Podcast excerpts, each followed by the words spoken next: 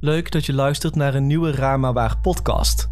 Hier zet ik al mijn video's om in podcastformaat, zodat je ze kan beluisteren zonder een scherm nodig te hebben.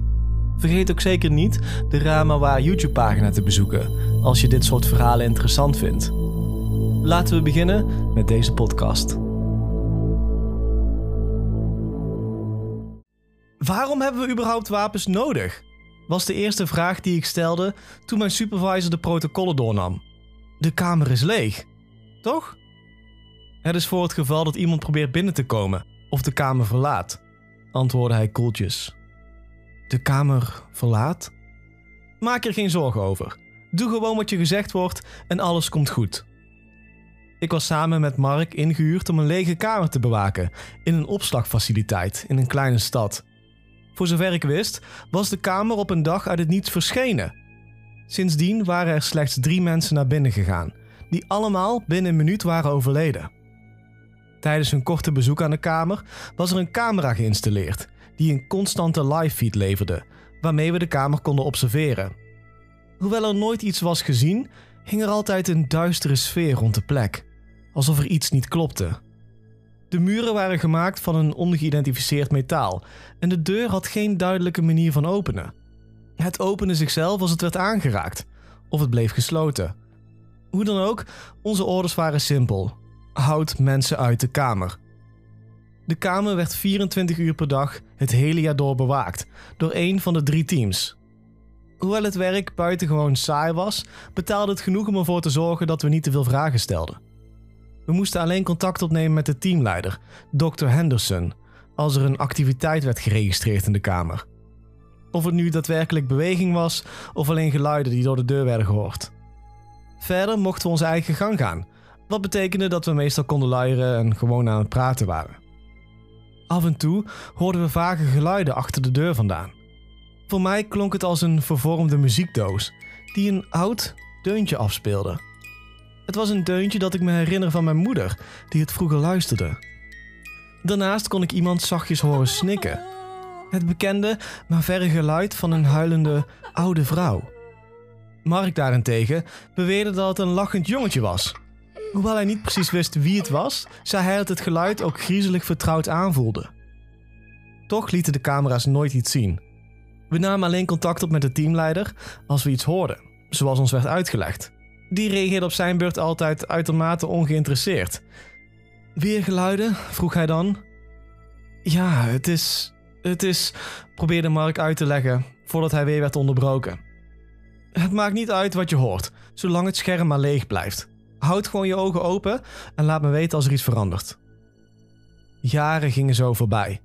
De metalen deur die ons scheidde van onbekende verschrikkingen bleef altijd onaangeroerd. En wat ons betreft zou er nooit iets veranderen. We volgden orders, werden betaald en dat was het. Tenminste, totdat we iemand hoorden kloppen aan de andere kant van de deur. Hallo? Laat me er alsjeblieft uit. Ik wil niet meer alleen zijn, zei de stem van een oudere vrouw. Het klonk als dezelfde vrouw die ik in de loop der jaren heb horen snikken. De melodie van die vervloekte muziekdoos bleef op de achtergrond spelen. Die twee feiten deden me echt denken aan mijn moeder. Wat onmogelijk was, want mijn moeder was jaren eerder overleden. Hoorde je dat? vroeg ik aan Mark, die zelf ook gefascineerd leek door het geluid. Ja, antwoordde hij nauwelijks hoorbaar. Ik bel de dokter, hij, hij moet het horen, zei ik terwijl ik mijn aandacht richtte op het lege scherm. Ik pakte de noodtelefoon op en drukte op 1. Het activeerde een alarm dat onmiddellijk de teamleider waarschuwde. We hadden de procedure al vaak genoeg doorlopen om het een onbelangrijke gebeurtenis te maken. Maar toch was er deze keer iets anders. Ondanks de geluiden die we in de loop der jaren hadden gehoord, had er nog nooit iemand op de deur geklopt. Oh god, dit kan niet, hoorde ik Mark op de achtergrond zeggen. Ik draaide me om en ik zag dat hij lijkbleek was. Zijn gezicht was bedekt met zweet en zijn ogen staarden gefixeerd naar het scherm. Ik nam een paar stappen dichterbij, om er zeker van te zijn dat mijn ogen me niet voor de gek hielden. Er was iets in de kamer. Eerst kon ik niet precies zien wat het was. Het leek een beetje op een misvormde stoel, alsof iemand die nog nooit een meubelstuk had gezien, de opdracht had gekregen om een stoel in elkaar te zetten. En daarbovenop lag een muziekdoos. Voordat we konden bespreken wat er in de kamer was verschenen, kwam dokter Henderson de opslagruimte binnen met een vermoeide uitdrukking op zijn gezicht. Rapport, zei hij alleen terwijl hij ons begroette. Er is iets in de kamer. Het is een, probeerde ik uit te leggen, voordat het kloppen op de deur me weer tot het zwijgen bracht. Het kloppen op de deur leek de dokter een beetje wakker te maken. Pas toen hij een glimp opving van de live feed, stond hij plotseling stil van schrik. Nee, nee, nee, nee, mompelde hij. Daarmee werd het beeld op het scherm vervangen door statische ruis. Wat er ook in de kamer was, het verstoorde de verbinding. Laat me eruit. Het is zo koud hier, hoorde ik de stem door de deur zeggen. Ik kon zien dat de dokter steeds nerveuzer werd. Alle bloed was uit zijn gezicht getrokken en parels van zweet vormden zich op zijn voorhoofd.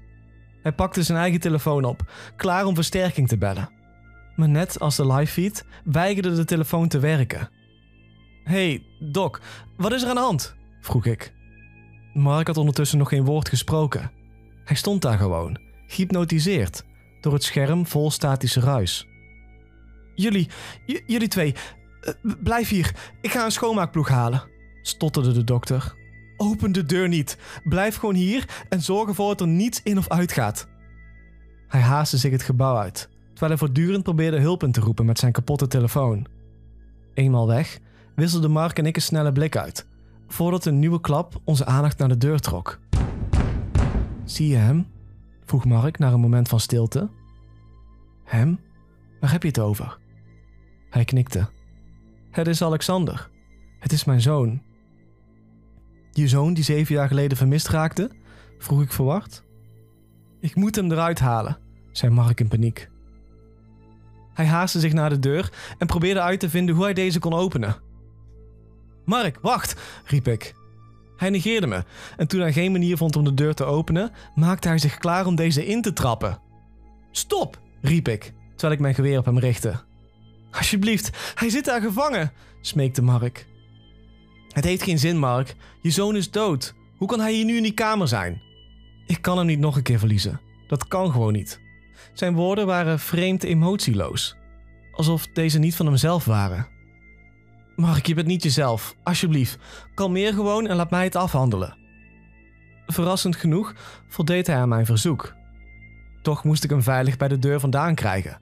Hoewel ik niets had om hem aan vast te binden, was er een kast om de hoek waar ik hem in kon opsluiten. Doe gewoon een paar stappen achteruit en kom met me mee, zei ik voorzichtig. Hij knikte zonder te protesteren en ik begon iets meer te ontspannen. Ik liet mijn geweer iets zakken en gebaarde hem om bij de deur weg te stappen. Hij draaide zich om en voordat ik kon reageren, pakte hij een stoel op en gooide die naar mijn hoofd.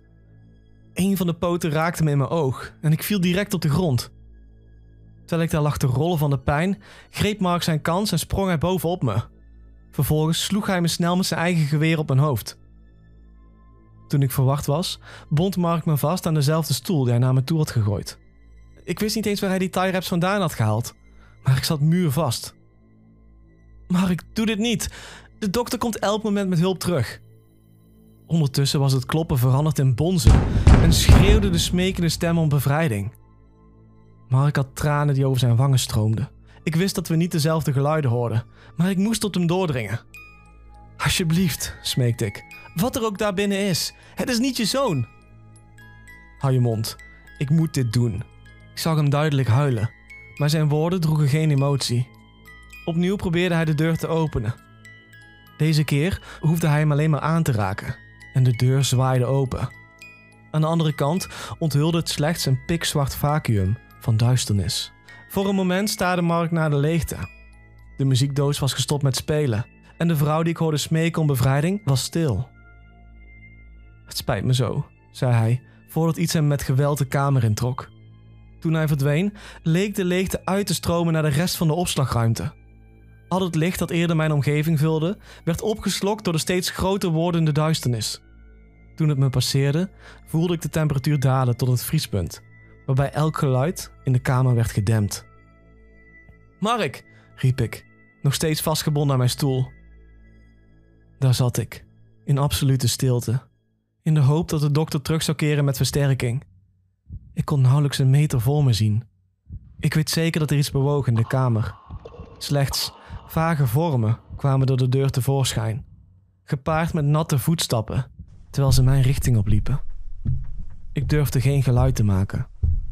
Mark was verdwenen en in plaats daarvan vulde de lucht zich met een ziekelijke, metaalachtige stank. Ik probeerde mezelf stilletjes uit de stoel te wurmen, maar de tie-wraps zaten te stevig vast. Alles wat ik kon doen was mijn adem inhouden, terwijl tientallen silhouetten langs me heen liepen en de kamer verlieten. Een paar minuten gingen voorbij en ik hoorde de natte voetstappen langzaam uitsterven. Het voelde alsof de wezens de kamer hadden verlaten, maar de duisternis bleef hangen. Toch bewoog ik geen millimeter, totdat ik de ruimte zag volstromen met zaklampen. De dokter rende naar binnen met een dozijn bewakers, allemaal gewapend met vreemde, zware wapens. Ze maakte snel de kamer leeg en positioneerde zich voor de openstaande deur die naar het vacuüm leidde. Dat Mark had verzwolgen. Oh god, mompelde enkele van hen. Dr. Henderson was degene die me losmaakte. Mijn polsen en gezicht waren beurs, maar ik was verder ongedeerd. Wat is hier in godsnaam gebeurd? eiste hij te weten. Het was Mark. Hij ging de kamer in. Met die woorden rende mijn baas naar de kamer en keek naar binnen. Ik volgde kort ernaar. De wapens die de bewakers vasthielden waren geen typische geweren. In plaats daarvan schoten ze krachtige blauwe stralen die het vacuüm doordrongen en de duisternis naar de hoeken deden wijken. Eindelijk konden we een glimp opvangen van wat er daadwerkelijk binnen was gebeurd. Daar zag ik honderden stukjes gebroken vlees, verspreid over de vloer, maar ook over de muur en het plafond. Ze tachten de wetten van de zwaartekracht en bedekten elk beschikbaar oppervlak met bloederige stukken vlees. Dat, gemengd met fragmenten van kleding, maakte het gemakkelijk genoeg om het verminkte lichaam te identificeren. Het was Mark. Toen zag ik iets wat me onmiddellijk deed overgeven op de vloer. Ik zag een stuk vlees met een oog erin. En hoewel het absoluut onmogelijk was, flitste het oog paniekerig door de kamer. Het knipperde en reageerde zelfs op licht. Het was levend. Een ander stuk bevatte een deel van zijn mond en het bewoog in vreemde richtingen, alsof het probeerde te schreeuwen, maar niet daartoe in staat was. Toen zagen we een stuk van zijn hart, nog steeds kloppend. En ik zag spierweefsel dat wanhopig probeerde ledematen te bewegen die er niet meer aan zaten. Sluit de kamer nu af, beval de dokter. Maar hij is. hij leeft nog, zei ik, en nog steeds niet gelovend. Hij heeft ervoor gekozen om naar binnen te gaan. Wil je hetzelfde lot ondergaan? De bewakers sloten de deur zonder een woord te zeggen en begonnen er metalen platen op te bevestigen. Een deel van mij vroeg zich af waarom ze dat niet meteen hadden gedaan, maar ik kon me niet toe brengen om het aan ze te vragen. Heeft er iets de kamer verlaten? vroeg mijn baas. Ik knikte alleen maar. Hebben ze je aangeraakt? Nee. Het team zette de ruimte af en stelde posten op met bewakers en camera's, gericht op de deur. Maar ik vreesde dat de schade al was aangericht. Wat er ook binnen die kamer bestond, het was ver buiten de regels van onze eigen realiteit. En nu waren ze vrij. Wat gaan we nu doen? vroeg ik eindelijk, nadat ik van alles een klein beetje was bijgekomen.